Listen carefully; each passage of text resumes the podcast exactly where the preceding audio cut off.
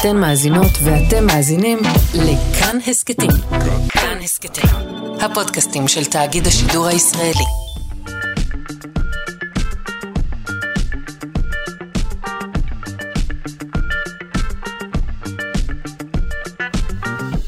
שלושה שיודעים. שלום, בוקר טוב לכם, מאזיני שלושה שיודעים כאן, בכאן תרבות 104.9 או 105.3 FM. אנחנו עם עוד תוכנית משובחת, כך אני מקווה, של שלושה שיודעים על מה נדבר היום. נדבר על הקשר בין השטן למתמטיקה, אה, על שיתוף פעולה בין בני נוער אה, למדענים, על אה, שירי מחאה מהעולם, ונשאל אילו מדינות אחראיות להשפעה הגדולה הסביבתית של ייצור המזון. אני מקווה מאוד שיהיה מעניין. עורכת אותנו, אלכס לויקר, המפיקה, תמר בנימין, על הביצוע הטכני אלון מקלר, אני שרון קנטור. בואו נתחיל.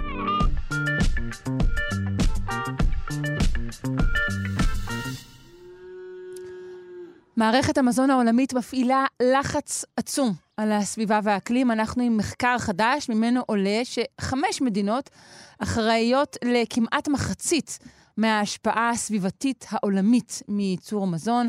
אה, לביאור המחקר הזה נפנה לדוקטור אלון שיפון, הוא ממייסדי ויושב ראש הפורום הישראלי לתזונה בת קיימא, מרצה בכיר בבית הספר לסביבה ולמדעי כדור הארץ על שם פורטר באוניברסיטת תל אביב. שלום. שלום, בוקר טוב. בוקר אור.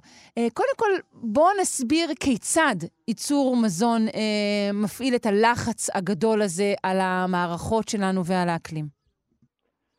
אז אנחנו למעשה מדברים על, על המערכת שההשפעה שלה על הסביבה היא למעשה יותר גדולה מכל הסקטורים האחרים. העובדה ש-50% מכלל שטחי כדור הארץ משמשים לייצור מזון, כבר נותן לך אינדיקציה על כך שאנחנו צריכים לשנות את פני הקרקע בשביל uh, לגדל את המזון שלנו, ולדבר יש השפעות ישירות על כל המערכות האקולוגיות. בוודאי על מגוון ביולוגי שנפגע, ולמערכת המזון יש את ההשפעה הניכרת מאוד על הקרקע בתחום הזה. אפשר להוסיף לזה שימוש במים. Uh, רוב מקורות המים שאנחנו משתמשים בהם, האנושות, הולכים לייצור מזון. אנחנו מדברים על זיהום מאוד מאוד גדול, ולמעשה אנחנו מדברים על uh, גזי חממה שמשפיעים uh, גם כן על אה, שינוי אקלים. אז למעשה אנחנו מדברים על המון המון מגוון מאוד גדול של לחצים, כמו שאת מגדירה את זה, והם מצטברים, הם קורים במקומות שונים בעולם יותר ופחות, אבל זאת ההשפעה, השפעה מאוד מאוד גדולה. וכרגע אנחנו עם מיפוי חדש ומעמיק שבעצם לא היה קיים עד כה, נכון? נכון. מה שמיוחד במאמר הזה שאת מתייחסת אליו זה שהוא למעשה נותן לנו, הוא, אה, הוא לא רק מדבר על סך הכל, אלא הוא ממש ממש מחפש את הלוקיישנים, את המיקומים הגיאוגרפיים שמשם אה, אה, קורים אותן אה, אה, השפעות סביבתיות גדולות. מה שמרתק במחקר הזה שהוא באמת אה, נותן לנו תחושה מאוד מאוד גדולה למושג הזה של אי שוויון. יש המון המון אה, אה, אי שוויון במערכת המזון. קודם כל יש אי שוויון ברמת הצריכה, שכמובן אנחנו יודעים שהאוכלוסיות החלשות יותר, האוכלוסיות במצב הסוציו-אקונומי יותר נמוך הם אלה שגם נפגעות יותר ממגפות ההשמנה, מצריכה של מזון לא בריא, וגם כי אין להם גישה למזונות בריאים. מה שמיוחד במחקר זה שהוא מראה לנו את הצד השני גם של מערכת המזון, את המקום של הייצור. יש מקומות, יש מזונות במקומות מסוימים בעולם, באזורים גיאוגרפיים מסוימים, ששם ההשפעות הן הרבה הרבה יותר גדולות במצטבר, גם בגלל האופן ייצור והסוג של המזון, אבל גם בגלל הכמות המאוד גדולה. אה, וזה מאוד מאוד אה, מיוחד, שזה נותן לנו פתאום את הזווית של המיקום הגיאוגרפי. כן, אז כמו שהבטחנו, בעצם המאמר הזה יכול להצביע על אה, חמש מדינות, שהן סין, הודו, ארצות הברית, ברזיל ופקיסטן, כאלו שאחראיות לכמעט מחצית מכל סך ההשפעה הזו על הסביבה כתוצאה מייצור מזון. מסתכל על המדינות האלו אדם ואומר, טוב, זה מדינות שיש בהן הכי הרבה בני אדם, אז צריך להכיל בהן הכי הרבה אנשים. האם זה כל כך פשוט, האחד לאחד הזה? אז קודם כל, זה, זה, חלק מזה זה בהחלט בגלל הייצור המסיבי מאוד גדול, בטח במדינות כמו סין. אבל זה לא רק הכמות הייצור הגדולה, זה גם הסוגים השונים של מזונות. אנחנו יודעים כבר הרבה הרבה זמן בעקבות המון מחקרים שכבר קיים קונצנזוס מאוד גדול, שיש מזונות שהאימפקט הסביבתי שלהם הוא הרבה הרבה יותר גדול ממזונות אחרים, ופה אני מתייחס לכל המזונות מן החי. אה, צריכה מאוד גדולה של בשר, בעיקר בשר בקר, יש לה השפעה סביבתית חסרת פרופורציה לשאר הדברים האחרים. בגלל לא אזורי, בגלל אזורי המרעה בעיקר? בעיקר בגלל שצריך הרבה הרבה מספוא להאכיל אותם בשביל לקבל כמות נתונה של אה, מזון, ולשם כך צריך הרבה הרבה שטחים, הרבה הרבה אה, אה, אוכל, מספוא, הרבה מים שצריך לייצר, ו, ובתהליך עצמו יש פליטות גזי חמומה, חממה, גם בשלב החקלאי וגם נגיד בבקר, הם מעלה גירה, ולכן יש גם פליטות של... כלומר, זה גם תופס, נכון, נתח אדיר, בערך, בערך רבע מכל הקרקע החקלאית בעצם מוקדש אה, למספוא, וגם אחר כך יש פליטת מתאן, נכון? כן, אבל זה לא, הכוונה היא, אה, אה, צריך להבין משהו, כשאנחנו אומרים ש-50% מכלל שטחי כדור הארץ הולכים לייצר מזון, הרוב של השטחים האלה זה שטחי, זה שטחי מרעה, לא שטחי חקלאות כמו שאת כן. מכירה פה בישראל. אז... אמ, זה לא גזר. אז צריך, כן, אז צריך להבדיל בין, ה, בין הדברים האלה. כן. השימוש המאוד גדול בשטחים וגם במספוא שמגדלים אותו בשטחים חקלאיים רגילים, עם המים, עם הכמות המים הגדולה, לגדל את המספוא הזה, ופליטות הגזי חממה באמת מצטברים לאחוז מאוד גדול מאותם לחצים שאת מדברת עליהם, והם באמת חסרי פרופורציה, הם הרבה יותר גדולים לעומת הסך של החלבון שאנחנו מקבלים מהם. כן. ולכן לכן, אחת האסטרטגיות הגדולות שעולות במאמר הזה, זה באמת שינוי בדיאטות. וזה משהו שאנחנו יודעים כבר הרבה הרבה זמן, שינוי בהרגלי צריכה לתזונה שהיא מבוססת מן הצומח, הוא גם ווין ווין אה, סביבתי מאוד גדול, אבל הוא גם תורם מאוד מאוד לבריאות.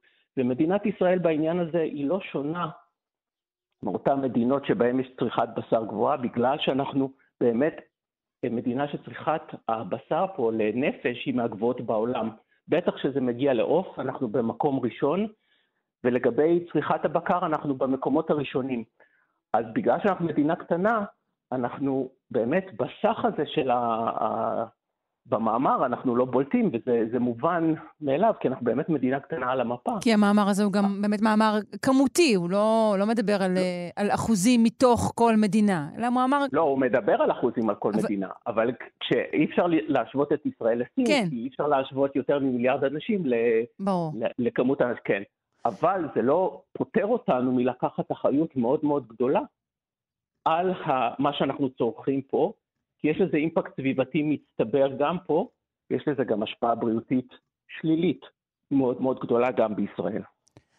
בואו נדבר על נושא אה, שינוע של מזון ושינוע של רכיבי מזון. כלומר, לפעמים אנחנו כן קונים משהו שלכאורה מיוצר כאן, אבל ייתכן שהרכיבים שלו מי יודע מאיפה הם הגיעו, נכון? אז תראי, הנושא הזה של, אה, של אה, אה, תחבורה או שיונו של מזון, החלק העיקרי של האימפקט הסביבתי קורה בתהליך של הייצור החקלאי.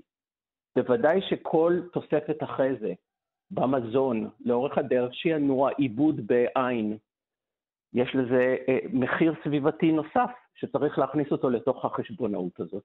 בוודאי שאם תעדיפי, תצרכי את אותו מזון מבלי לשענע אותו, אז האימפקט הסביבתי שלו יותר נמוך.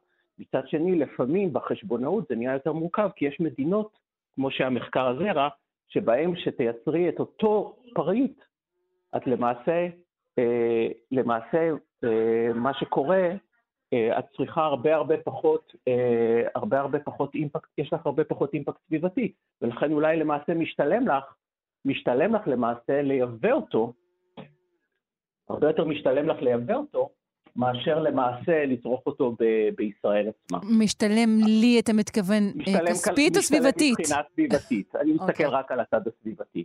יפה. אז, אז, אז זה נהיה יותר מורכב מאשר זה, אבל באופן כללי, אה, מה שחשוב בעיקר, אנחנו יודעים שהסוג של המזון והאופן שהוא מיוצר הוא החלק העיקרי בצד הסביבתי, ושם אנחנו צריכים לעשות את השינויים. אה, שם אה, זה החלק המשמעותי של איפה נמצא האימפקט הסביבתי, פחות... יותר מאשר השינוע. כלומר, נכון, אם אני נכון, צריכה לבחור בין, אה, שוב, אני כמובן אעשה כאן השטחה אדירה, אם אני צריכה, צריכה לבחור בין אה, טבעונות לבין אה, מה שנקרא אכילה לוקאלית, אז הבחירה הסביבתית תהיה טבעונות. נכון. ברוב המקרים ברוב זה ככה. המקרים. שוב, לא לכל דבר זה אחד לאחד, יש מקרים שהם יוצא דופן בדברים, אבל באופן כללי אנחנו רואים את זה שוב ושוב, ששינוי בהרגלי צריכה לעבר מזונות שהם אה, אה, באמת, אה, האימפקט הסביבתי שלהם הרבה יותר קטן, אה, שמבוסס מן הצומח, בהחלט בהחלט הרבה יותר גדול השינוי הזה מאשר לשנות את המיקום הגיאוגרפי, שוב, ברוב המקרים, לא תמיד בכל מקרה ואחד לאחד. טוב, תפוח טורקי מנקניק מקומי. אמ, בסדר לגמרי. גמור. אני מודה לך מאוד, דוקטור אלון שיפון. חשוב לי, כן. חשוב לי רק להוסיף עוד דבר אחד. בטח. המחקר הזה, המחקר הזה הוא, הוא עוד, עוד חוליה בשרשרת ארוכה של המון מחקרים בשנים האחרונות, שמראים לנו שוב ושוב שהאימפקט הסביבתי של המזון שאנחנו אוכלים הוא אדיר וגדול, והולך הרבה מעבר לשינוי אקלים. אני חושב שהצד הזה קצת חסר הצד הזה של המשבר האקולוגי חסר אה, בתקשורת פה בישראל להדגיש אותו. אנחנו מדברים לאחרונה הרבה הרבה על שינוי אקלים, וזה מאוד מאוד חשוב שאנחנו עושים את זה, אבל יש צד שני במטבע הזה של, אה, שבני האדם משפיעים על הטבע, על המערכות האקולוגיות, שהוא לא פחות חשוב משינוי אקלים וחשוב להדגיש אותו, ולמזונות יש חלק מרכזי בסיפור הזה. וחשוב לנו אה, באמת הדרך להתקדם היא לבנות מערכות מזון בנות קיימא, על ידי הסתכלות, אינטגרציה מאוד מאוד גדולה של כל המימדים האלה, כולל הסוגי מזון שאנחנו אוכלים ואיך שאנחנו מייצרים אותם. זה דבר נורא נורא חשוב. אז אה, נשמח לנהל איתך אה, שיחה נוספת לגבי המשמעות אה, העמוקה של המושג הזה בכלל, תזונה בת קיימא, אפילו ממש בקרוב. דוקטור אלון שיפון, ממייסדי ויושב ראש הפורום הישראלי לתזונה בת קיימא, מרצה בכיר בבית הספר לסביבה ולמדעי כדור הארץ, על שם פורטר באוניברסיטת תל אביב. יום טוב, תודה רבה. תודה רבה לך.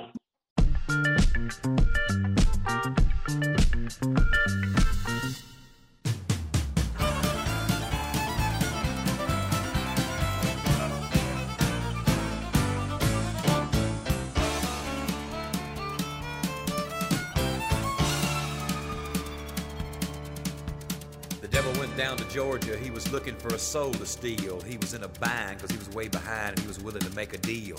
When he came across this young man sewing on a fiddle and playing it hot, and the devil jumped up on a hickey כן, זאת כן, פינת המתמטיקה שלנו.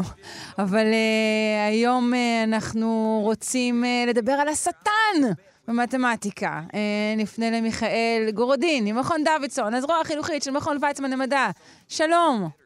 שלום, שלום, בוקר אה. אה, שטני במיוחד. בוקר שטני גם לך, אני מנפנפת לך בשתי קרניים וזקנקן קטן.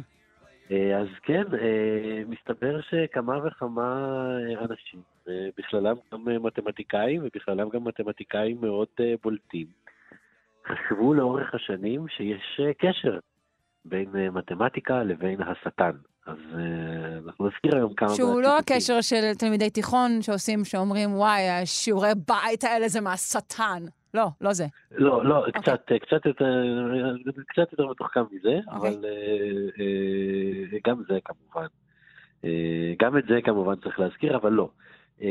הציטוט הכי מוקדם שיש לנו, שקושר בין מתמטיקה לשטן, הוא לפני יותר מאלף שנה, אה, עם אחד מראשי הכנסייה הקתולית, אוגוסטין, אה, אוגוסטין, אוגוסטינוס, אוגוסטין הקדוש, כן, איך... כן. אה, והוא, והוא אמר שהנוצרי הטוב, על הנוצרי הטוב להישמר מפני מתמטיקאים ואלו שמנבאים נבואות ריקות. אה, כבר יש... איך הוא קשר בין... יש קשר בין הנבואות הריקות לבין המתמטיקה, או שזה פשוט שתי קבוצות שצריך להיזהר מהן? אז אה, פה יש... אה, אה, העניין פה הוא שבתקופתו של אוגוסטין, למילה מתמטיקאי לא הייתה בדיוק את המשמעות שיש לה היום, והוא לא ממש דיבר על אנשים שמתמחים במחקר מתמטי, אלא הוא דיבר על אסטרולוגים ונומרולוגים. שמשתמשים במספרים ובמתמטיקה של תנועת כוכבי לכת כדי לעשות תחזיות. Mm, אוקיי, אז בסדר, בכך הם באמת מעודדים כל מיני סטים של אמונה שאינם רצויים לנוצרי. כן, וככה הוא קשר, אז הוא אמר מתמטיקאים, אבל לא, לא בדיוק, לא בדיוק התכוון למתמטיקאים. מתמטיקאי מאוד מאוד מפורסם בפני עצמו, שיש לו סיפור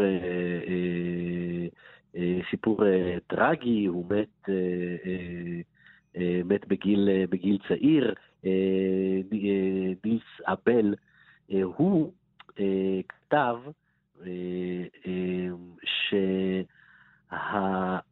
שהסדרות שאינן מתכנסות הן המצאה של השטן. בוא, בוא תסביר לנו למה הכוונה. למה, למה, הוא, למה הוא מתכוון. אז במתמטיקה הרבה פעמים יש לנו אה, עיסוק ב, בסדרות. אה, סדרת פיבונאצ'י, סדרה מאוד מפורסמת. אפשר לקחת את סדרת המספרים הטבעיים, 1, 2, 3, 4. כל סדרה של מספרים שמתמשכת ומתמשכת ומתמשכת נקראת במתמטיקה אה, סדרה. אבל אה, יש אה, כמה מהן הופכות להיות טריקיות. עכשיו, ככל הנראה, האבל דיבר ספציפית על, ה, על מה שקורה כשעושים אחד, פחות אחד, ועוד אחד, פחות אחד, ועוד אחד, פחות אחד, ועוד אחד. ו- ורואים מה קורה לתוצאה של הסדרה או הטור הזה. זה כל פעם הופך להיות 0-1, 0-1, 0-1, נכון? אנחנו לוקחים רק את ה-1 זה 1. כן. 1 פחות 1 זה 0. כן. מוסיפים 1 ו-1. ומסתבר שאפשר לעשות כל מיני טריקים מתמטיים כדי uh, להוכיח בעזרת uh, טורים או סדרות כאלה אה, דברים שנראים בלתי מתקבלים על הדעת, כי תמיד אה, אה, כשאנחנו הולכים דברים, לוקחים דברים אינסופיים, אז האינטואיציות שלנו לא, לא מסתדרות. משתבשות שם, מסתכל, בגלל שההיגיון כן. שלנו הוא סופי. אז הוא הסתכל, ואז מקבלים כל מיני דברים, כמו סכום של מספרים שלא אמורים להיות משהו שלם, משהו סופי בכלל, יוצא 12 וחצי, וסכומים שליליים יוצאים חיוביים, וכל מיני תופעות כאלה. אז הוא הסתכל על זה, ואמר, הדברים האלה, שאפשר בעזרתם להוכיח את כל הדברים ההזויים האלה, זאת המצאה של השטן. כלומר, משהו מהשטן זה מה שמאפשר לנו אה, ללכת נגד ההיגיון הבריא, לכאורה. כן, זה, זאת הייתה okay. אוקיי. הכוונה של, mm-hmm. של אבל. אוקיי. Okay. הציטוט שאולי uh, נסיים איתו, שהוא הידוע ביותר, או לפחות החביב עליי בז'אנר הזה, uh, של uh, מתמטיקאי uh, בריטי דגול, מיכאל עטיה. אה, שאגב, אה, לא, לא, מזמן, אה, לא מזמן נפטר, הוא האחרון בסדר הזה, והוא כתב ככה: אלגברה היא הצעה שהשטן הציע למתמטיקאי. השטן אמר, אני אתן לך את המכשיר הפלאי ורב העוצמה הזה. הוא יוכל לענות לכל שאלה שתרצה.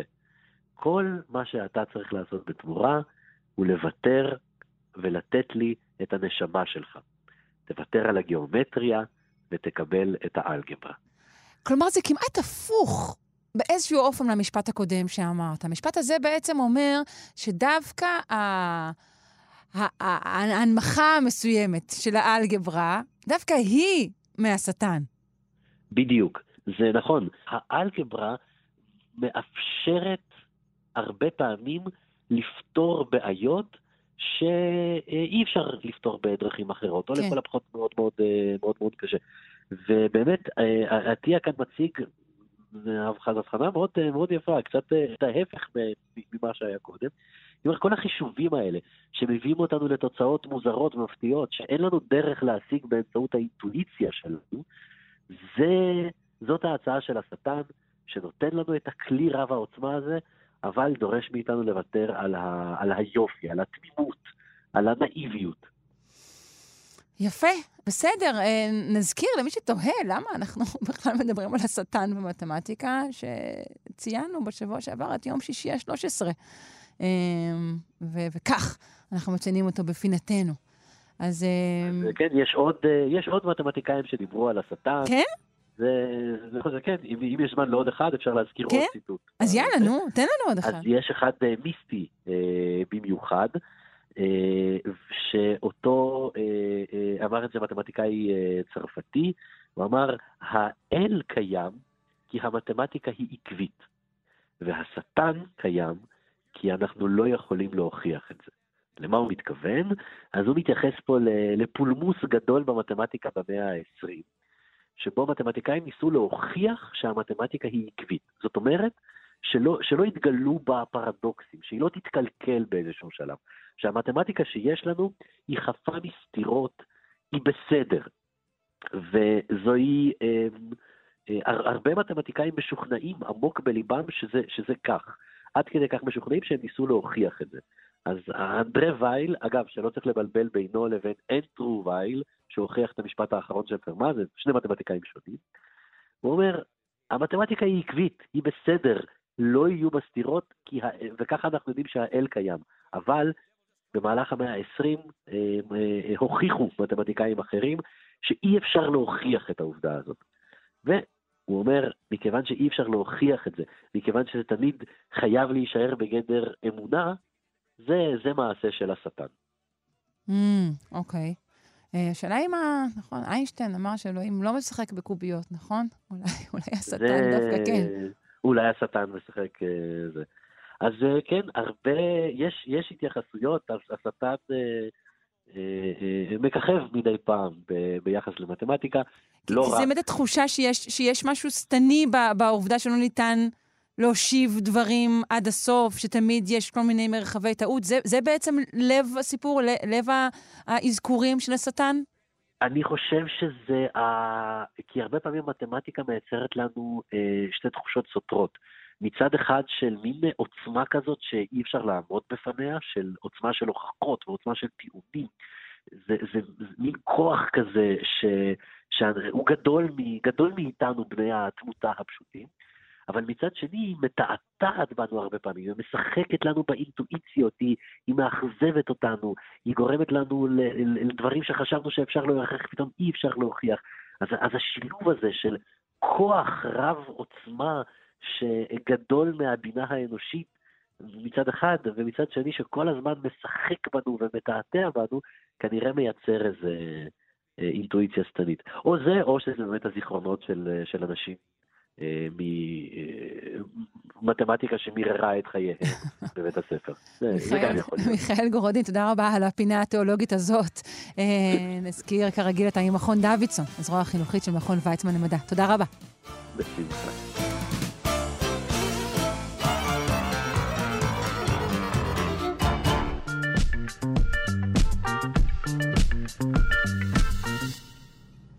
לאחרונה פורסם גיליון מיוחד של מגזין Frontiers, אה, מדע לצעירים, זה, זה כתב עת אה, מדעי בינלאומי לנוער, שיוצא לאור בישראל על ידי מוזיאון המדע בירושלים.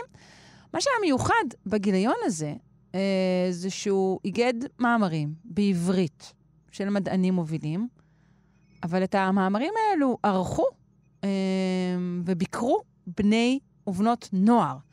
אנחנו נפנה גם לפרופסור דפנה שחף. היא פרופסור למדעי המחשב ומנהלת שותפה של המרכז למחקר רב-תחומי במדע הנתונים באוניברסיטה העברית בירושלים, וגם לגפן רינקובסקי, תלמידת כיתה ח' בקמפוס הבינתחומי על שם נפתלי ידלין בראשון לציון. שלום לשתיכן. בוקר טוב. היי, בוקר טוב. היי, שלום. Uh, אני רוצה קודם כל להבין למה בכלל, אני אתחיל איתך, אה, פרופסור שחף, דפנה, למה בכלל לתת אה, לבני נוער לעבור ככה למאמרים אקדמיים? תראה, הגרסה הכי קצרה שיש לי זה שאם היה לי את הגיליון הזה כשאני הייתי ילדה, זה, זה היה מדהים. זאת אומרת, נורא, כששמעתי על זה בפעם הראשונה נורא התבאסתי שלי לא היה את זה. לילדים סקרנים זה גם כלי נפלא בשביל להבין מה ההתפתחויות האחרונות ובאופן כלל המנגנון הזה שילדים עוזרים בתהליך של הסקירה, עוזרים לי לספר להם את זה, להתאים את זה לאיך שהם היו רוצים שאני אבין, זה מופלא בעיניי. כן, אה, אנחנו אה, נדבר על, על מאמר ספציפי, שהמאמר נקרא האם מחשבים מסוגלים להבין הומור, שזה אכן מאמר נהיר ובהיר ומצוין. תרצו לספר לי את, את עיקריו? דפנה, אולי נתחיל איתך באמת? אוקיי, אז בעצם המאמר הזה הוא על השאלה של למה הומור זה משהו שכל כך קל לנו בתור בני אדם וכל כך קשה למחשבים. אה, ורגע, לתת לך ספוילר למאמר? אמ, בואי, תבני לי קצת, ואז תתני לי ספוילר. בסדר גמור. אז הנקודה היא שמחשבים היום יכולים לעשות המון דברים שעד לפני לא מזמן נראו לנו מדע בדיוני, נכון? כי הוא... כן. שאנחנו יכולים לדבר עם הטלפונים שלנו, אנחנו מכוניות אוטונומיות, בתקווה עוד מעט מעבר לפינה, כאלה דברים. אבל הומור זה משהו שהם לא באמת מתקדמים בו יותר מדי. הם יכולים להסיק ממה שהיה מצחיק עד היום מה יצחיק בקרוב, לא? או שלא, הם עושים, הם עושים פאשלות איומות בזה. אז בכמה תחומים מאוד מאוד צרים, הם כן מצליחים. נניח במאמר שלנו אנחנו מדברים על uh, שלוש דוגמאות די צרות, אבל הומור טבעי כמו שבני אדם מבינים, אנחנו עוד לא באמת קרובים. ומה שאנחנו טוענים במאמר הזה זה שיש המון המון אנשים בפסיכולוגיה, פילוסופיה, המון תחומים שניסו לפתח תיאוריות על מה הופך משהו למצחיק. ומה שהם בעיקר טוענים זה שהומור נשען בצורה מאוד מאוד כבדה על הפתעה. כן, נניח אנחנו נותנים איזושהי דוגמה של בדיחה של, אתם בטוח מכירים את זה, זו בדיחה כיתה ב' כזאת של דני אומר, אמא, אני לא רוצה ללכת לבית ספר, הילדים מציקים לי, המורים שונאים אותי. ואז אמא אומרת שהוא חייב ללכת כי הוא המנהל. נכון? אה, נכון. והבדיחה הזאת לגמרי נשברת על, נשענת על שבירת ציפיות, שאת בטוחה שזה ילד עד שהיא אומרת שהוא המנהל. אז אה, בעצם בשביל ללמד מחשבים הומור, הם צריכים מערך ציפיות כמו שיש לבני אדם. אבל בני אדם חיים במציאות וצוברים חוויות וכל זה שלמחשבים פשוט אין. כלומר, יותר קשה להפתיע מחשב בעצם? אה, גם יותר קשה וגם יותר קל, פשוט אין לו את המערך ציפיות הנכון. זאת אומרת, הוא גם יופתע אה. מדברים לא נכונים כן. וגם לא יופתע מדברים כן נכונים. אה, ואז בעצם נכנסים במאמר הזה לתחום הכללי במדעי המחשב שמנסה לפתור את זה, שזה בינה מלאכותית. ו- וספציפית למידת מכונה, שזה בדיוק מה שאת אמרת קודם, אולי פשוט נראה למחשב המון המון דוגמאות של דברים מצחיקים ונקווה שהוא יבין לבד מה מצחיק. כלומר, במקרה הזה נגיד נראה לו הרבה מאוד דוגמאות של דיבור ילדי, כמו הדיבור הזה של דני, ואז כשנכניס לו מהצד את זה שהוא מנהל, אז פה הוא יבין שזה מצחיק. אפילו לא, כי מה שעשית כרגע זה נורא יפה, זה דרש כמה מהלכים של של מה שקוראים לו common sense. אני מחשב מאוד משוכלל פשוט. זה נכון, אבל להבין עליך, אפילו את הדבר הכי בסיסי, שילד ומנהל לא עובד ביחד, זה משהו שהוא צריך לדעת מאיפשהו, נכון? כי אולי ילדים mm. יכולים לנהל. כן. הבנתי. וזהו, אז אנחנו מדברים במאמר הזה על כמה דברים שאנחנו ניסינו לעשות, כמה פרויקטים סביב הומור במעבדה שלי. יפה. אה, גפן, כן. היי, סליחה שהמתנת. אה, אז את מקבלת את המאמר הזה, אה, שעוסק בנושא הזה שהוא גם מעניין, גם מרתק, גם בחזית אה, המדע, אבל, אבל, אבל גם באמת מצחיק, נכון? כן. מה חשבת עליו, מעבר לשלל הסופרלטיבים שכרגע הנחתי פה על השולחן? זה מאמר באמת נפלא. כיף לסקר אותו. סיקרנו אותו במסגרת קורס בבית ספר. שמה כותרתו של הקורס? זה קורס שבו למדנו על מאמרים של פרונטילס בעברית ובאנגלית. Mm-hmm. מה מלמדים אתכם אה, כש, כשהם מכשירים אתכם לזכור מאמרים אקדמיים? אה, למדנו על תקשורת המדע, איך עושים ניסויים, איך מדווחים עליהם, על, על כל התהליך של ביקורת עמיתים, וסקרנו שלושה מאמרים. Okay. וגם אוקיי. קראנו, העלינו את הביקורת ואז שאלנו שאלות. והיו דברים, נגיד, ששינית, או ששיניתם במאמר הזה מבחינת אה, סדר הכתיבה, דברים שהיו צריכים הנהרה? לא הרבה. בקושי, זה המאמר מאוד מותאם לילדים. Hmm, אוקיי, okay. והיו מאמרים אחרים שאולי אה, אה, ביקרתם ביתר חומרה? כן, היו. הכתיבה, שהיו שהכתיבה הייתה פחות מדויקת ומובנת. האיורים פחות אוקיי. לטקסט. כלומר, את, אני, אני שומעת מדברייך שהסקירה הזאת של המאמר היא מיועדת גם לקהל של ילד, ילדים ונוער. כלומר, כאן זה בהחלט מתאים, שאתם גם יכולים להתאים טוב יותר את המאמר אולי לקהל היעד? כן, זה בדיוק זה. אוקיי. Um, מה את עוד לומדת בבית הספר, אם אני יכולה לשאול? לומדת בבית הספר בכללי? כן, לא, באיזה מקצוע את מתמקדת? או שבכיתה ח' עוד לא מתמקדים? אני בכיתה ח', אבל אני נמצאת בכיתה מדעית. אוקיי, אה, ואיפה את רואה את עתידך? כאסטרופיזיקאית. אסטרופיזיקאית. למה דווקא? מעניין אותי, אני אוהבת לחקור את זה. אני אוהבת... אני רוצה לגלות דברים חדשים, מה שרציתי לעשות מאז שהייתי ילדה קטנה. יפה, ומגזין אה, פרונטירס הוא מגזין שמסייע לך אה, באופן אולי עקיף בהגשמת שאיפותייך. יש שם הרבה מאוד מאמרים על הנושא הזה ועוד על הרבה מאוד נושאים. טוב, אה, יפה. אני אה, שמחה בשבילכם, אה, אה, חברי הפרויקט הזה, שזכיתם אה, לעשות אה, דבר כזה. אה, ואני חוזרת למאמר עצמו, ולעוד אה, משהו אחד אה, מאוד מאוד אה, נחמד שמוזכר שם, שזה אה, בעצם מחקרים שיש בהם הומור, נכון? מחקרים שדומים אולי לדברים שאנחנו רואים שזוכים תמיד באיג נובל, נכון? כן, כן. לגמרי יש מחקר שמושפע מהאיגנובל, ובעצם לספר על האיגנובל, או ש... אה, תני, תני לנו שתי מילים ותני גם את הדוגמה שמוזכרת כאן במאמר. כן, לא זוכרת מה מוזכר במאמר, אבל אני מכירה מספיק דוגמאות. אז תני אחת אחרת. אז איגנובל זה פרס שנותנים אותו לפני פרס נובל, זה פרס סאטירי, שנותנים לעשרה הישגים מדעיים, שקודם גורמים לאנשים לצחוק, ואז גורמים להם לחשוב. זאת אומרת, זה מאמרים אמיתיים שפורסמו מדי פעם במקורות מעולים. זאת אומרת, יש גם אנשים שקיבלו גם נובל וגם איג נובל, זה, לא- זה לא בדיחה. אבל הנושאים שלהם זה דברים כמו אה, האם פרושים שקופצים, שנמצאים על כלבים קופצים יותר גבוה מפרושים שנמצאים על חתולים. זאת שאלה חשובה בעיניי. או משהו שאני נורא אוהבת, האם הטלת תרנגולות לתוך סופת טורנדו יכולה לסייע במעקב אחרי מהירות הרוח? התשובה היא לא, ואין לי מושג מי חשב שזאת שאלה טובה לבדוק. אוקיי. והאם האם המחקרים האלו, בדברים האלה המחשב כן אה, מראה אה, הבנה של הומור? ביתר קלות אולי? אז הבנה זו מילה שהייתי כן, סליחה, סליחה, נכון, לא הבנה. זיהוי אולי, אולי זיהוי של הומור. כן, זיהוי, זיהוי זה מצוין. אז מה שבאמת עשינו זה באמת לקחת דוגמאות של מאמרים שזכו, ודוגמאות של מאמרים שהם סתם מאמרים מדעיים רגילים, ולנסות להבין האם בכותרות יש איזשהו משהו שיכול לרמוז לנו שזה מאמר מצחיק. וזה שוב פעם נופל בדיוק על האלמנט הזה, או של הפתעה, או של מילים שאת לא, נניח בז'ורנל מכובד בפיזיקה, את לא מצפה לשמוע את המילה תרנגולת, נכון? Mm. או, אז זה בדיוק מה היה מה שעשינו, בנינו אה, מודל שפה שלומד איך כותרת של מאמר מכובד רגיל נראה. הרצנו את זה על 600 אלף מאמרים, וניסינו, זה אגב היה עם הדוקטורנטים שלי, אה, הסטודנטים שלי, חן שני ונדב בורנסרי, אמ, ובאמת ניסינו להבין האם רק מהכותרת אפשר לזהות שיש למאמר הזה פוטנציאל אה, לאיגנובל. והתשובה הייתה שכן.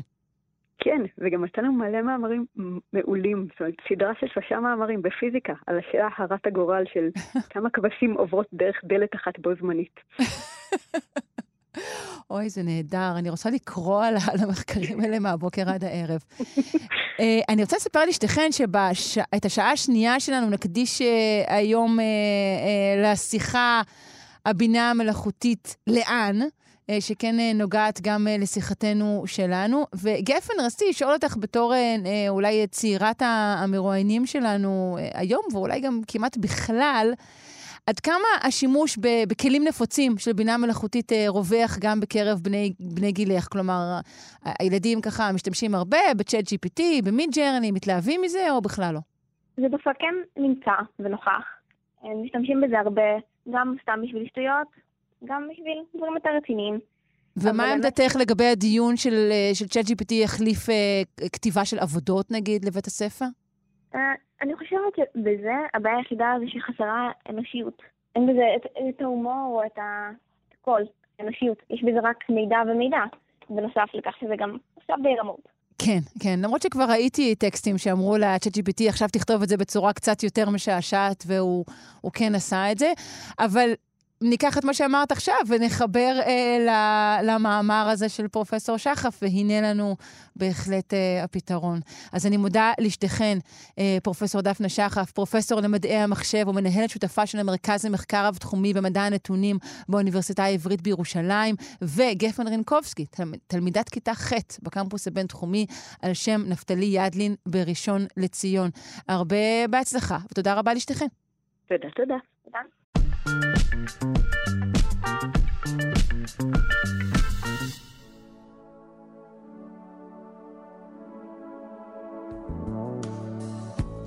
פינת הקיימות עם יאיר אנגל, מעצב ומנכ"ל קיימה, מרכז לתכנון ועיצוב מקיים, שלום. שלום וברכה. אנחנו רוצים לדבר היום על מדד המעגליות העולמי. למה הכוונה? אז אה, כן, יש מדד כזה והוא הושק שלשום, אה, שיהיה במזל. מה? שיהיה במזל, אמרתי. אה, כן, מזל לכולנו. אז, וזאת הפעם השישית שהדוח הזה של מדד המעגליות העולמי מתפרסם.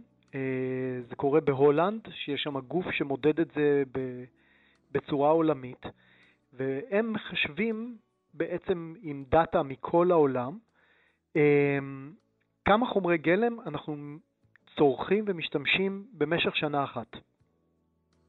אבל אה, איפה. פה, איפה פה המעגליות? למה הכוונה? זה משהו שאנחנו מוציאים ומחזירים, מה שנקרא? אז רוצים לראות כמה מתוך החומר, החומרים האלה אה, נזרקים לפח, או אה, נשארים בתצורה של בניינים או ערים וכולי, וכמה מהם מתוכננים, מעוצבים, מהונדסים להיות מעגלים, כלומר שאפשר אחר כך לפרק אותם ולהשתמש בהם מחדש, להחזיר mm. אותם לתוך המערכת במקום לצרוך חומרי גלם חדשים. אוקיי. Okay. ואנחנו נמצאים בכמות הפקה שהיא אה, חסרת תקדים. אה, ב-2000, אה, בדוח הזה מדברים על שבשנה האחרונה אוכלוסיית העולם גדלה, ובגלל זה גם עולה כמות הפקת החומרים, ואנחנו מדברים על מעל 100 ג'יגה טון של חומרי גלם. זה 100, 100 אה, מיליארד טון של חומרי גלם יוצרו כדי אה, לספק את, אה, את הצריכה העולמי, העולמית. אנחנו מדברים על, כמובן על כל החומרים, על דלקים, על חומרי... כן, זה נשמע לי הרבה, אבל אין לי מושג, אולי זה לא הרבה. זה המון. אוקיי. זה המון, אני, אני אסביר ככה. בשש שנים האחרונות שבודקים את, ה, את דוח המעגליות, יוצרו כמות חומרים שבה השתמשו במשך ה-20 שנים האחרונות. כלומר, אנחנו צורכים כל הזמן יותר mm. ויותר mm. ויותר חומרים. אוי. ו, אה, ואנחנו גם לא כל כך משנים את הדרך שלנו להפוך מכלכלה אה, ליניארית לכלכלה מעגלית. אני אתן קודם את הנתונים. אנחנו, אה, במקום לצמצם, את, במקום להרחיב את המעגליות, כלומר להגיע לכמה שיותר חומרי גלם שיחזרו לתוך מעגל החומרים ולחסוך צריכה של חומרים חדשים והפקה שלהם, ב-2018 היינו ב-9.1% של חומרים אה, החזרה מעגלית, ירדנו ל-8.6 ב-2020, ועכשיו אנחנו ב-7.2% ב-2023. אז, אז כל פעם אנחנו בעצם אה, יורדים. נכון. לא במקום טוב. במקום לזוז הרבה קדימה, אנחנו זזים מעט למטה. וזה משאיר פער מעגליות עצום. אה, זה אומר שהעולם מסתמך כמעט אך ורק על חומרים חדשים, מה שקוראים חומרים בתוליים, virgin materials. אה, מעל 90% אה, מהחומרים הם בעצם חומרים חדשים. וזה די מדהים, כי אנחנו דיברנו פה הרבה בשבועות האחרונים על, ה, על כל הבעיות שקורות בתהליכי ייצור החומרים, אם זה בעיות לאנשים, בעיות סביבתיות, בעיות כלכליות, בעיות חברתיות, עבדות אפילו. ואנחנו ממשיכים לייצר עוד המון המון המון חומרים ומבזבזים אותם. עכשיו, אנחנו בעצם, אה, צריך להגיד שאנחנו נמצאים כל הזמן בחוב, חוב אקולוגי. זה נקרא, אה, חוגגים, יש חוג, לא יודע אם זה חג, אבל מציינים יום שנקרא Earth Overshoot Day, יום החוב האקולוגי. שבו הנושים בעצם... של הטבע דופקים על הדלת ולוקחים לנו לטלוויזיה. בדיוק. זה מה שהיה צריך לקרות בימים שהיה אגרה. אבל הפסיקו עם זה, אז עכשיו קוראים לזה יום סיום המשאבים. זה בעצם התאריך שהדרישות של הצריכה של האנושות עולה על כמות המשאבים שכדור הארץ יכול לחדש באותה שנה. כלומר, אנחנו בעצם לוקחים, אה, אה, מתחילים לקחת מהקרן ולא לחיות מהריבית. עכשיו, בהסתכלות כלכלית, אה, זה היום שבו נגמר בעצם התקציב השנתי של כדור הארץ, מה שהיינו יכולים לקבל והוא מחדש את עצמו כל פעם, ואנחנו נכנסים בעצם לאוברדרפט תקציבי סביבתי, וצורכים משאבים, משאבים על חשבון השנים הבאות. כן, עכשיו, שזה, הזה... שוב, זה, כשאתה מתרגם את זה ככה למושגים, אנחנו אומרים אוי אוי אוי, אבל כמובן שבמציאות זה לא באמת מתורגם כך. במציאות זה הרבה יותר גרוע. כן, אבל אף אחד לא מתייחס לזה ככה, זה לא, לא מתייחסים, אבל הנה אנחנו מדברים על זה, אולי זה ישנה איזה משהו, אבל התאריך הזה גם משתנה משנה לשנה. בעצם בשנות ה... אני חושב שב-69, שנת 1969 עוד היינו בבלנס. וסיימנו את שנת התקציב אה, עם חומרים מתחדשים, ומאז אנחנו בירידה. וב-2022 יום סיום המשאבים כבר הגיע ל-28 ליולי. כלומר, ביולי סיימנו את המתחדשים, ומאז ועד סוף השנה הקלנדרית אנחנו באוברדרפט. ואני רואה שקיום הדוח לא, לא עוזר לשיפור העניין הזה. מה שלא מחושב ולא ידוע ואף אחד לא, לא בדק אותו, בטוח שאי אפשר לדעת עליו. כאילו אנחנו חייבים להתחיל לעשות את החישובים האלה, ואותו דבר לגבי חישוב החוב האקולוגי. כי היום זה כבר נכנס לתוך חקיקה ולתוך אה, אה, אה, מדיניות של הרבה מדינות. אה, והרעיון הוא באמת להעלות את המודעות העולמית לגירעון האקולוגי, אה, זה ב, ב, ב, בחישוב החוב, החוב האקולוגי. רק, רק אה, אה, משהו על היום החוב האקולוגי, בישראל הוא מצוין ב-16 לאפריל. זאת אומרת, אצלנו הצריכה היא כל כך גדולה הרבה יותר, שאנחנו במקום ב-28 ליולי, ב-16 באפריל כבר מסיימים את, ה, את החומרים המתחדשים, כי כל מדינה יש לה את הצריכה הפרטית שלה. Mm, עכשיו, okay. אוקיי. ה, מה, ש, מה, ש, מה שמדברים בדוח המעגליות, בעצם מדברים על הרצון, הרצון שלנו לצמצם במקור את הצריכה, לצמצם את צריכת החומרים ולהגיע בחזרה, להכניס אותנו לתוך הגבולות העולמיים. אנחנו נמצאים בתוך העולם שלנו, יש לנו כמות מוגבלת של חומרי גלם, וכמה שנעבור מכלכלה ליניארית שבעצם צורכת חומרים, משתמשת בהם וזורקת אותם, או באמצעות פליטות או באמצעות אה, אה, פסולת, אה, לכלכלה מעגלית שלוקחת את החומרים, מתכננת אותם בצורה שהם יכולים להישאר בשימוש, אפשר לתקן אותם, לחדש אותם, לשחזר אותם, או בסופו של דבר להחזיר את החומרים האלה למעגלי ייצור, אנחנו נוכל לחזור לגבולות הפלנטריים שלנו ולהשתמש בחומרי הגלם שכדור הארץ מסוגל לחדש כל הזמן. עכשיו, מי ייתן? טוב, אנחנו צריכים רק, uh, לסיים להיום. רק, רק להגיד שזה כן? לא צריך כל כך הרבה מאמץ. אנחנו, אם אנחנו נצמצם בשליש את הצריכה שלנו, אנחנו נגיע בחזרה לגבולות הפלנטריים ונוכל להתגבר על uh, הרבה מאוד מהבעיות uh, שמובילות אותנו למשבר האקלימי העמוק שאנחנו נמצאים בפתחו. טוב, שליש זה, זה די הרבה. Uh, אז uh, נזכיר שוב uh, Circularity Gap Report, זה שם הדוח, מדד המעגליות העולמי. תודה רבה לך, יאיר אנגל, מעצב ומנכ"ל קיימה, מרכז התכנון ועיצוב מקיים. יום טוב, ביי. תודה.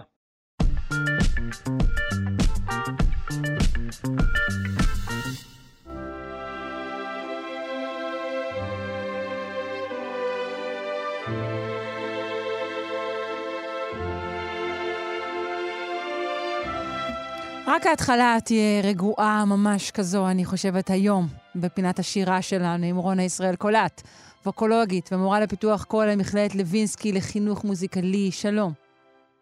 שלום, שרון. אה, זה מעניין שאת אומרת את זה, שזה לא יהיה רגוע, כי זה דווקא... אה, אלה שירים שהם שירים שנועדו להוציא אותך מהבית, שירי מחאה, לא שירים ששרים במהלך הפגנות, את זה כבר עשינו, נכון. אבל אני חושבת כמה מהם הם... אה, הם כן רגועים, וזה מה שיפה בהם, הם מטבעם הם מתוחכמים יותר. זאת אומרת, הם צריכים לגרום לך גם לחשוב וגם להרגיש, ואז השילוב הזה, הוא הופך את, ה, את ההאזנה, האזנה mm. מקרית לסוג של מציאות, והם לא תמיד, הם, הם לפעמים בהפוך על הפוך. זה לא לפעמים... בום בום בהכרח, את אומרת, זה לא שירי הנאה לפעולה. בדיוק, okay. אוקיי. ואני חושבת שזה פשוט, אה, צריך קצת להרעיד את הלב, אז אה, mm. בואו נראה אם הם הצליחו. וזה באמת שירים אה, מסביב לעולם. אז כדי שנספיק הרבה, אני רוצה שנתחיל עם שיר מבליז, ואני לא ידעתי אז איפה היא בדיוק, אז היא מדינה באמריקה המרכזית, על חוף הים הקריבי, ונשמע את אנדי פלסיו, שמחר היו, מול... אה, אה, מחר ימלאו 15 שנים ללכתו, אז נשמע אותו עם קולקטיב הגריפונה בשיר שנקרא אמונייגו.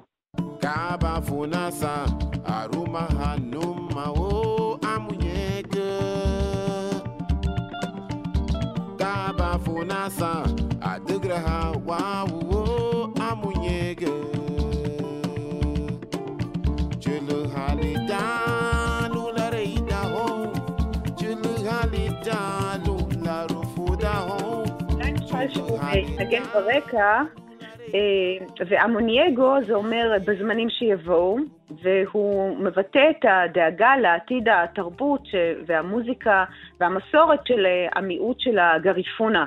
אה, והגריפונה הם אה, צאצאים של ילידים מהאיים הקריביים ושל עבדים אפריקאים, והם הובאו לקריבים על ידי הקולוניאליזם הבריטי במקרה הזה, ויש באמת קהילות קטנות בהונדורס, בארצות הברית וכאמור גם בבליז, אה, והם קהילה קטנה, רק כמה אלפים, אבל האומנים שלהם, יש להם קול מאוד חזק, שומעים את זה מסביב לעולם, אנדי פלאסיו וגם אורליו, והם מביעים בשירים שלהם את הפחד מה... שהתרבות שלהם פשוט... אה, תיעלם, תתפוגג, אה, מחיקה של זהות. Mm, אה, של תרבות הגריפונה במקרה הזה. נכון, ומה שיפה זה שיש להם את מוזיקת הפונטה, והשירים עצמם מאוד מאוד יפים. וברור שאני לא דוברת גריפונה, אבל בגלל שהם כל כך יפים, ויש באמת מילות מפתח שחוזרות על עצמן, כמו המונייגו, אז באמת הלכתי לבדוק מה עמד מאחורי זה, ואני חושבת שזו הכוונה של שיר מחאה מוצלח, שהתהליך מתחיל התפיסה בחושים האלה, שפשוט זה יפה, ואז זה עובר למודעות, ובאמת אה, במקרה הזה המחאה עבדה. כי אה, בשנת 2001, אה, הודות לפעילות הזו של אנדי פלסיה והעמיתים שלו, אז אונסקו החליטה להכיר בתרבות של הגריפונה כנכסי צאן ברזל של המורשת בעל פה של האנושות, והם נועדו לשימור. אז זו מחאה שהצליחה. יפה. בינתיים כמובן חשבתי על עוד דוגמה של שיר שהוא נורא נורא באמת אה, אה, מאופק לכאורה, והוא הכי, דוגמה הכי קלאסית שזה רידמפשן סונג, שהוא שיר כן. שמאוד מניע לפעולה, אבל הוא בסך הכל לא נותן בראש.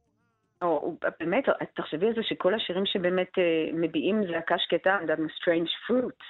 כן. אז הם באמת, אה, הם פשוט פועלים, סוחטים את הלב, ואז מה, מהתחושה הזו, אז אתה אומר, אוקיי, אז צריך לפעול. אבל כאמור צריך גם את שירי ההפגנות, צריך גם את הבום בום, אבל כנראה שכדי להגיע להפגנה אתה צריך את, ה, את הדלק הזה. הנאה רגשית, כן. כן.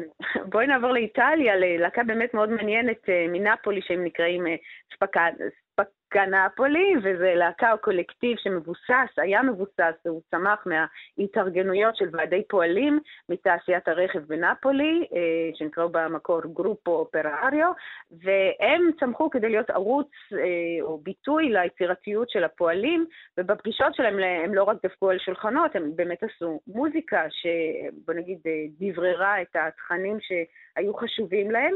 אז נשמע את השיר פומרולה בלאק, שמוחה נגד האפליה בשכר ובתנאים אה, בהווה, זאת אומרת עכשיו, האפליה שקורית עכשיו של הפועלים ממוצא אפריקאי, לעומת התנאים של אה, פועלים ממוצא אירופי בתעשיית הרכב בנפולי.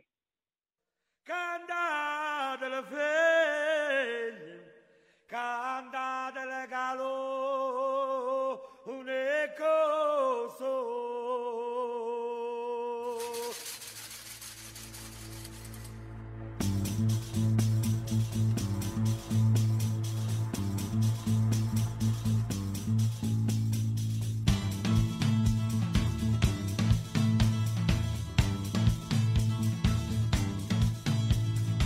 אז הקולקטיב הזה, הוא, הוא רוצה ש, שתרקדי את הדרך שלך למחאה, הם רוצים באמת לשחזר גם מנהגים פגאניים כדי להחזיר לה, לעם את הכוח שלו ולבדל אותו מצפון איטליה, ואז שומעים את החשיבות ב, ב, ב, בשירים שלהם, של המקצבי הריקוד, ובאתר שלהם הם חרטו על דגלם מחאה, הומור, הדוניזם ומיתוסים, שזה שילוב מנצח.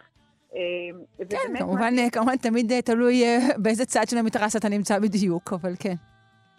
כן, אבל אני חושבת שזה עובד לכל צד. אם יש להם גם הומור, גם הדוניזם, אז אני מצטערת, כל צד יכול למחות בהומור. אני לא יודעת, כן. אולי, תלוי. תלוי אם באמת ימנים ושמאלים יש להם אותה מידה של הומור. Mm. שאלה מעניינת. נכון. אבל מה שכן, השירים, שירי המחאה, אני, זה פשוט טעימה באמת, הם מאוד ארוכים, כי יש להם כאמור, יש להם הרבה מה להגיד, וזה באמת, אנחנו יודעים את זה גם עם בוב דילן, או שהשירים, יש, יש להם אה, אה, מסר, אה, מסר בוער, אז הם באמת ארוכים, אז אני באמת מציעה שאפשר אה, להקשיב להם אה, ברשת. ונעבור לאפריקה המערבית, וזה באמת שיר חשוב, שקולקטיב חשוב לזמזון דאפריק, האמזונות של אפריקה הם קולקטיב של זמרות ידועות מכל אפריקה המערבית. אני אגיד כמה שמות, כי אני רוצה להקדיש להם פינה מיוחדת. אנג'ליק קיג'ו, קנדיה קויאטה, ממאני קייטה, נקה, פמלה בג'וגו, השמות שאולי מישהו ילך ויגזין, הן פשוט נהדרות, אבל אני אקדיש להם פינה. הם כולן יצרו ביחד כדי לחזק את המחאה נגד אלימות נשים ואפליה מגדרית. אז בואי נשמע את השיר I Play the Cora. אז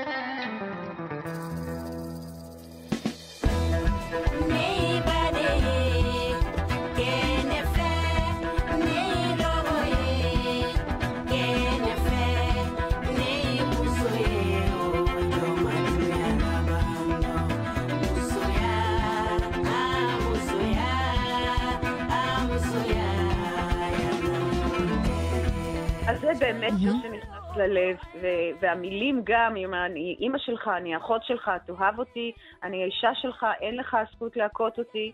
אנחנו אנשים כולם, גברים, תקשיבו לנו, כבדו אותנו והצטרפו למאבק שלנו לגדל את הילדים באהבה ושלום. וזה פשוט, את, את רואה אותם יחד גם בקליפ, את רואה אה, נשים מכל מערב אפריקה, זה פשוט אה, באמת נכנס. ללב.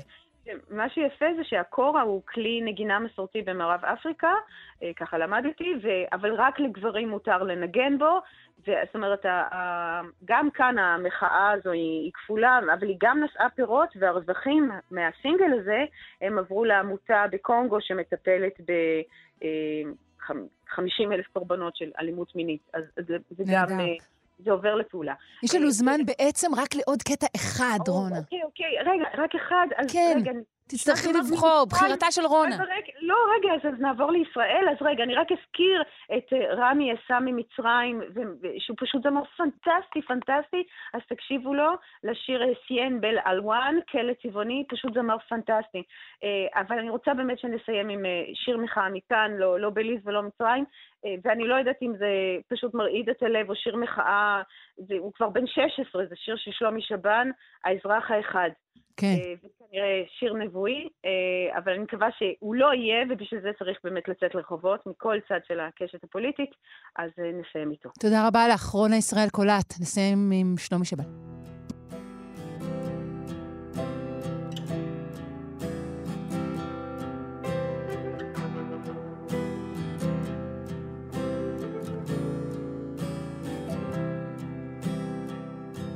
חלומי אני האזרח האחד בעיר שיושביה בלבד חיילים.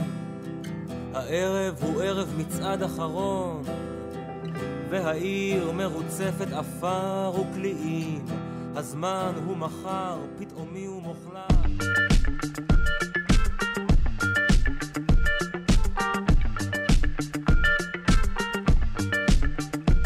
עד כאן השעה הראשונה שלנו, שלושה שיודעים.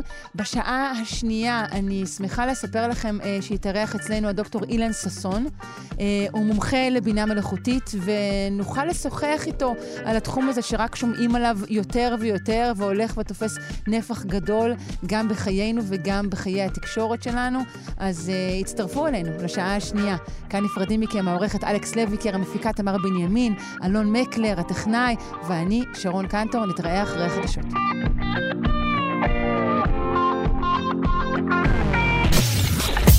אתן מאזינות ואתם מאזינים לכאן הסכתים. כאן הסכתים, הפודקאסטים של תאגיד השידור הישראלי.